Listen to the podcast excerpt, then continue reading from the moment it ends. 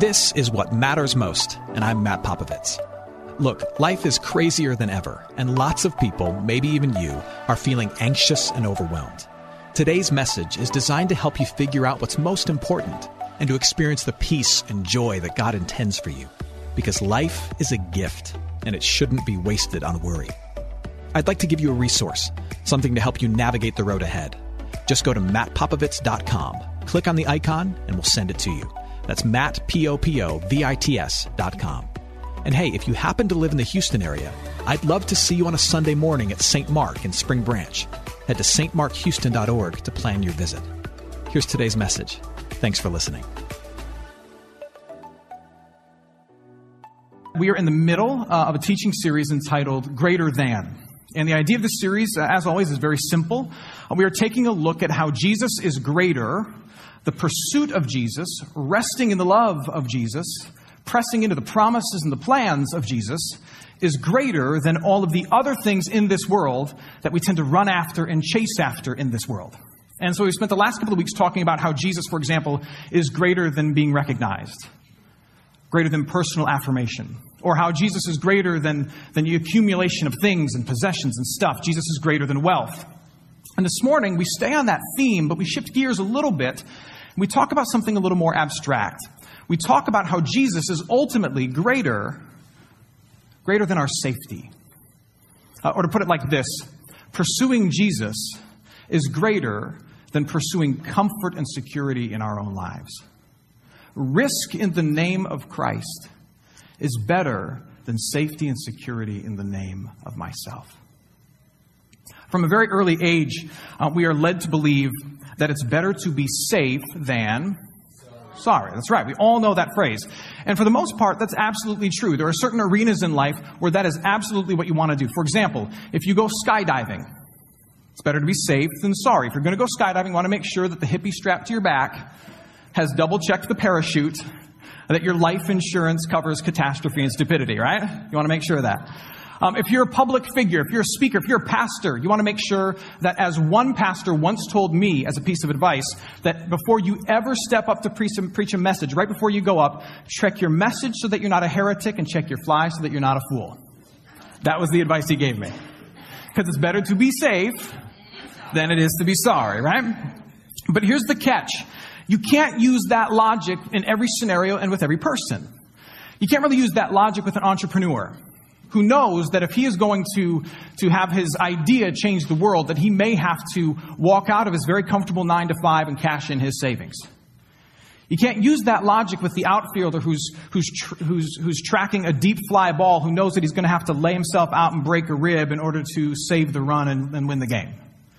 You can't use that logic with the policemen or the firemen who run into danger despite safety concerns when everybody else is running out of danger. You see, there are certain callings and certain situations in life where the opposite of our instincts and the opposite of what we've been told all our lives is true.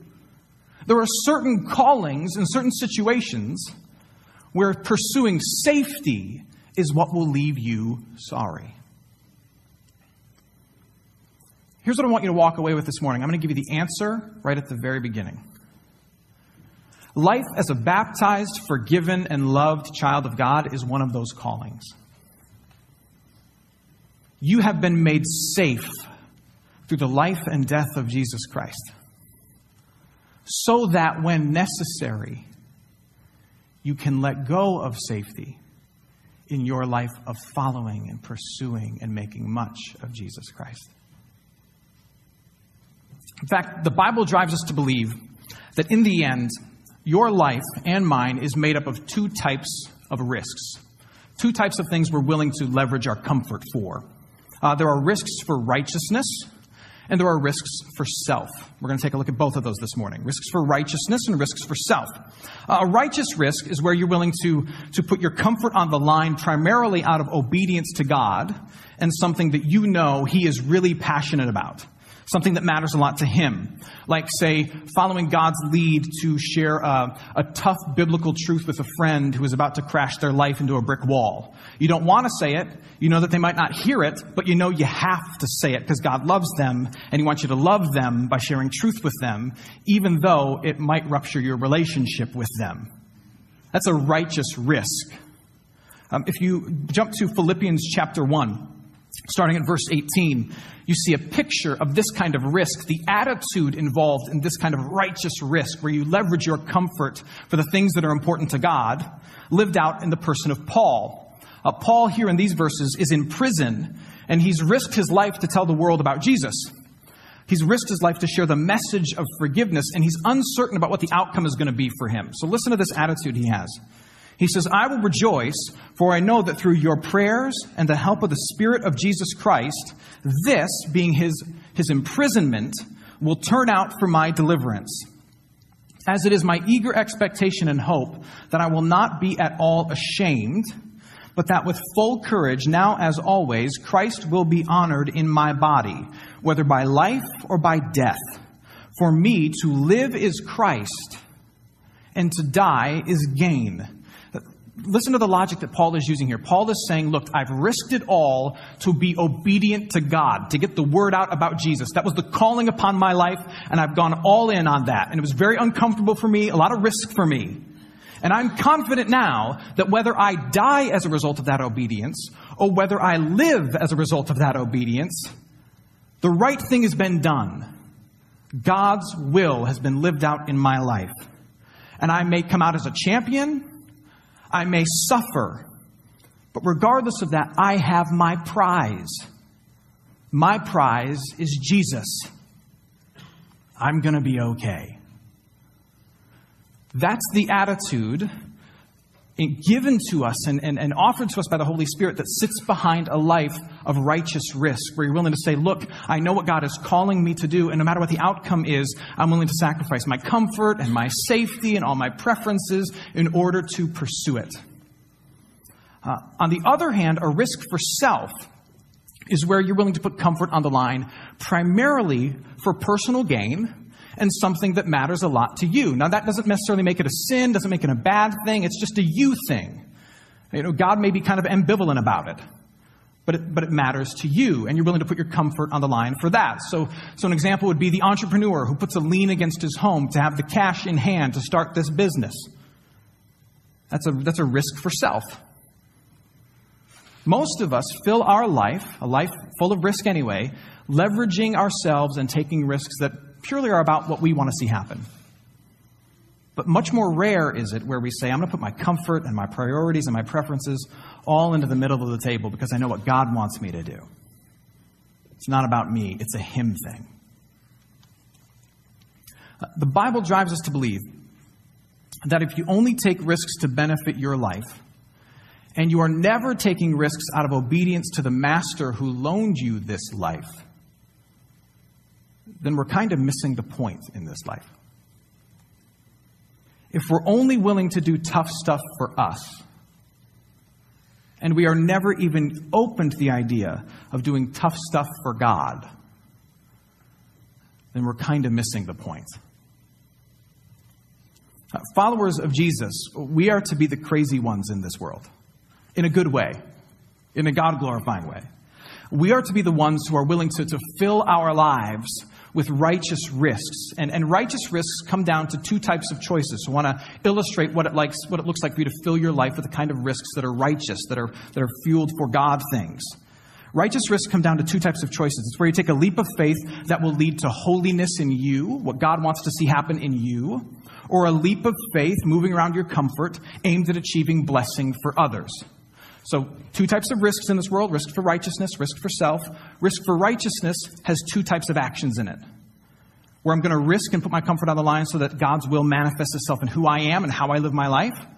Or I put my, I put my comfort and my, my, my preferences on the line so that God, God's will be manifested in the life of other people that He wants to bless. So we'll start with holiness. Uh, this is where, as a follower of Jesus, you take the risk of making the right, God glorifying choice for yourself even if it costs you convenience. Um, pursuing holiness, a righteous risk in a pursuit of holiness in yourself, can mean that you, you give up the comfort of some activity in your life so that you can do other things that God wants you to do, so that you can be in community here as a church, so that you can adjust your schedule so that you can dig into His Word, so that you can get to know other people in this family that He's building. That means risking acceptance by being the girl in the office who pulls herself away from situations of gossip. It means being the guy in your company who refuses to take clients to clubs. It means being the one family member who does not hide their faith because you know that it needs to flow through you, not be kept in your back pocket. And these things come with risks the risk of rejection, the risk of being sidelined. But these are things that God wants to have happen in you so that His holiness might flow through you. And so you take those risks, risks of holiness.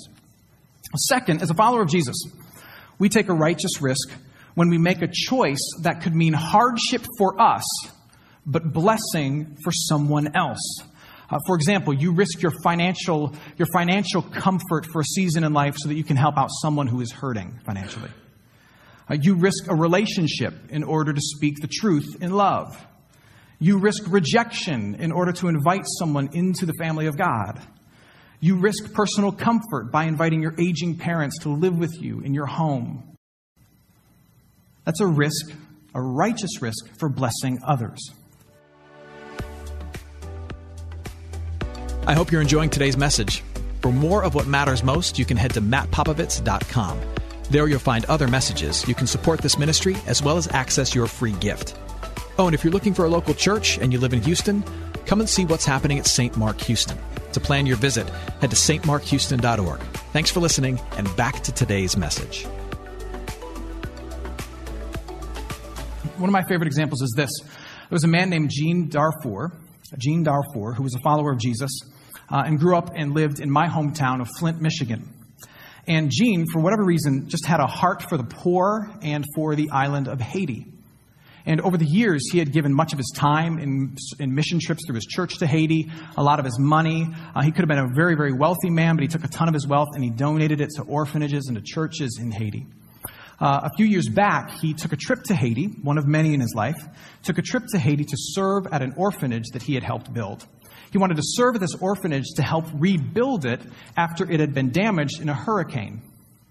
His plane landed on the island of Haiti one hour before the massive earthquake hit just a few years ago.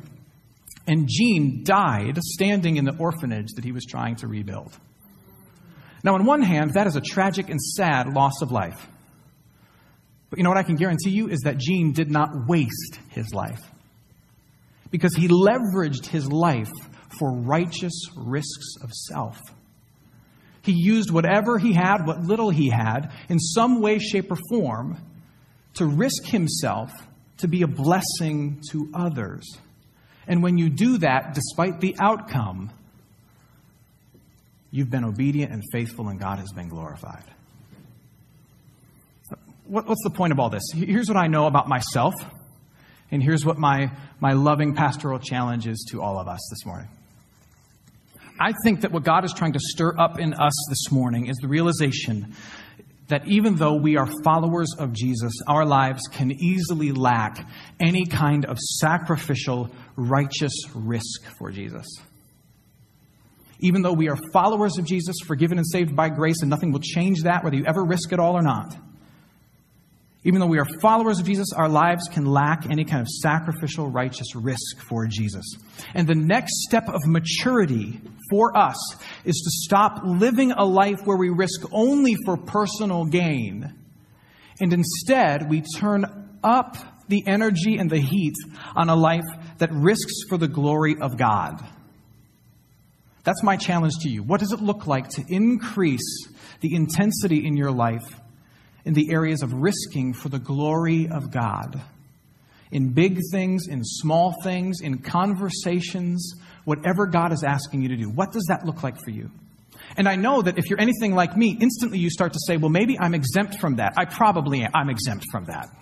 There's no way that that applies to me. God doesn't ever ask people like me to make righteous risks of self for my holiness or for the blessing of other people. He asks other people to do that. And I have a, I have a loving theological term for that kind of attitude. It's called bull. See, this is God's specialty. He takes broken people like you and like me. He, he calls us to himself. He saves us. He forgives us despite all the brokenness in us. He says, I love you no matter what. And then, through the Holy Spirit He's placed inside of us, He slowly moves us to this place where we say and we realize and we understand that God, your glory is greater than my convenience. Your glory is greater than my convenience. And this morning, he's stirring that up just a little more in us. Your glory is greater than my convenience. And if you think you're exempt, then let me just take you on a short journey through the scriptures to show you that we're not. For example, you've got an unbeliever named Abraham, a man who did not know the Father until the Father picked him out of a crowd. Genesis chapter 12, verse 1, God says this Abram, leave your country, your people, and your father's household, and go to the land I will show you. I will make you into a great nation. That was a risk. In Exodus chapter 3, he handpicks Moses, an orphan murderer, to risk his life and lead God's people. And he says to Moses, I'm sending you to Pharaoh to bring my people, the Israelites, out of Egypt. In 1 Samuel 16, we read, The Spirit of the Lord came upon David in power. David was a 12 year old boy who was chosen to kill a giant. In Mark chapter 8, Jesus says this to his disciples. He says, If anyone would come after me, he must deny himself and take up his cross and follow me. These are young men in their early 20s, in the prime of their lives, being asked to give their lives.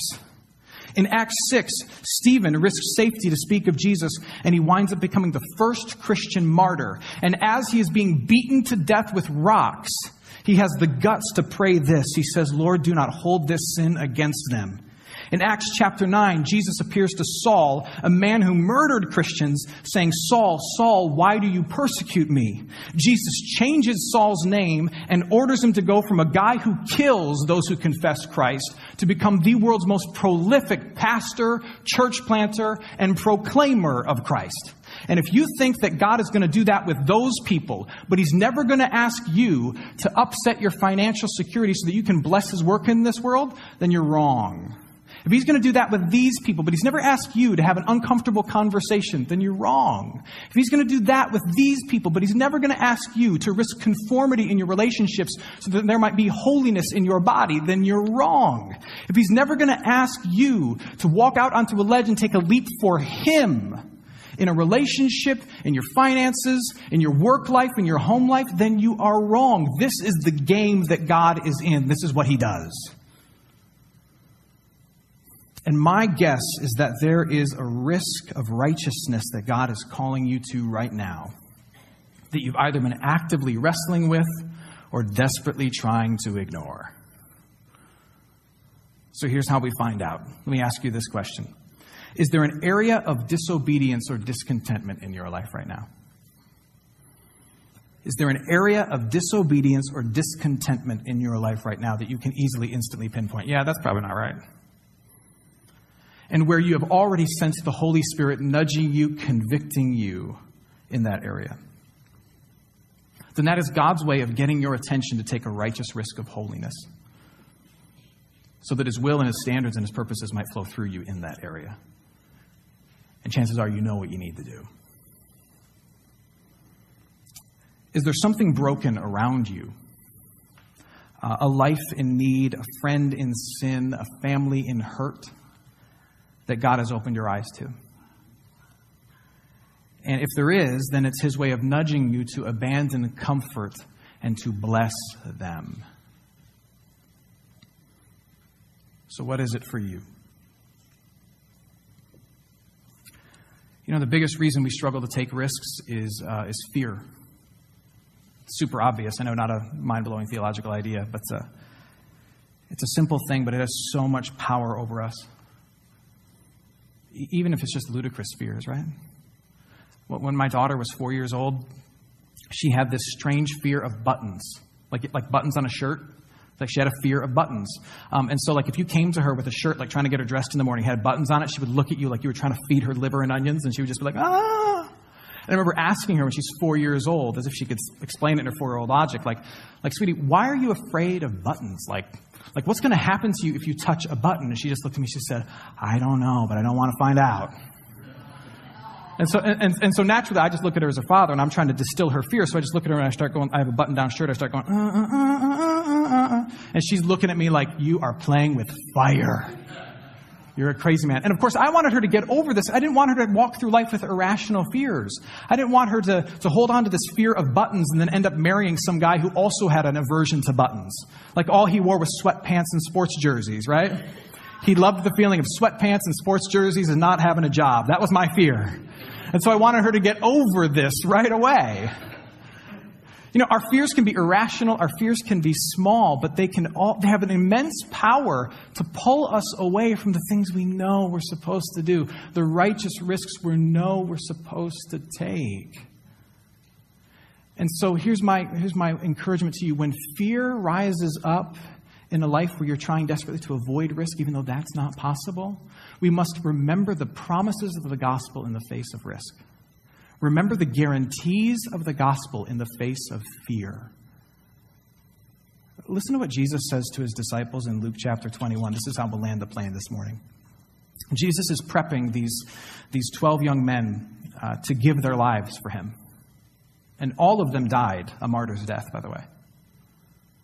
This is what he says You will be delivered up even by parents and brothers and relatives and friends. In other words, you will be turned over and put into jail by parents and brothers and relatives and friends. And some of you they will put to death. You will be hated by all for my name's sake. But now listen to this. He says, But not a hair of your head will perish. So you'll be rejected and murdered, but not a hair of your head will perish. By your endurance, you will gain your lives. Here's what Jesus is saying Jesus is saying that risking for him always comes with a cost. And for those disciples, that cost was their families, that cost was their lives. But Jesus says that even if that happens, that not a hair on their head will get hurt. How is that? Because three days later, Jesus was about to give up his comfort. Jesus about, was about to go all in and risk everything. And he climbed on a cross and he died for the sins of the world to forgive us. But then three days later, he rose again and he showed himself to be God in flesh and he showed himself to have more power over all the pitfalls of following him than your fears have. He showed himself to be more powerful than the pitfalls of following him. And so, what Jesus was saying to his disciples is a lot of crazy stuff is going to happen to you if you risk for me. If you risk me, a lot of crazy stuff is going to happen to you, but I am more powerful than your fears and all the potential pitfalls. If you follow me, the worst case scenario ends the same as the best case scenario with you alive, with you forgiven, with you loved and embraced by me, wrapped in grace that you can never let go of. So, in the end, what do you really have to lose? Jesus is greater than our safety. Where is he leading you to take a righteous risk? Where is he leading you to take a risk in order to be holy, in order to be a blessing? And let me just warn you in order to follow it, you're going to have to mess with stuff you're comfortable with and rearrange things that are working. Following Jesus and taking the risks is like learning to solve a Rubik's Cube, which I've never done, by the way. Um, here's as far as I've gotten on a Rubik's Cube I've gotten one side of the cube all one color. And that to me has felt like such an accomplishment, uh, such a thing to be celebrated that I don't ever continue because I know that if I'm going to solve the rest of it, I have to disrupt what I've completed already. And so I just leave it the same. Let's not live our lives that way. There's no such thing as a risk free life. It's not if you're going to take risks, but what risks are you allowing? Is it purely risks for self, or will you let what's completed and what you're comfortable with be disrupted for the sake of something greater and more God glorifying to be completed in the future? May the answer for us always be yes. Amen. Hey, it's Matt. I hope you enjoyed what matters most. Here's what I need you to know life is a gift, and it shouldn't be wasted on worry. I want to help you figure out what's most important and to experience the peace and joy that God intends for you. So, for more content, you can head to mattpopovits.com. That's Matt, P O P O V I T S.com. There you can also support this ministry as well as access your free resource, a little something to help you navigate the road ahead. I'd also love to see you on a Sunday morning. If you're in the Houston area, head to stmarkhouston.org to plan your visit. In the meantime, hit me up on Instagram at mpopovits or at facebook.com slash Matt Popovits Ministries. Thanks for listening. Now go and hold tight to what matters most.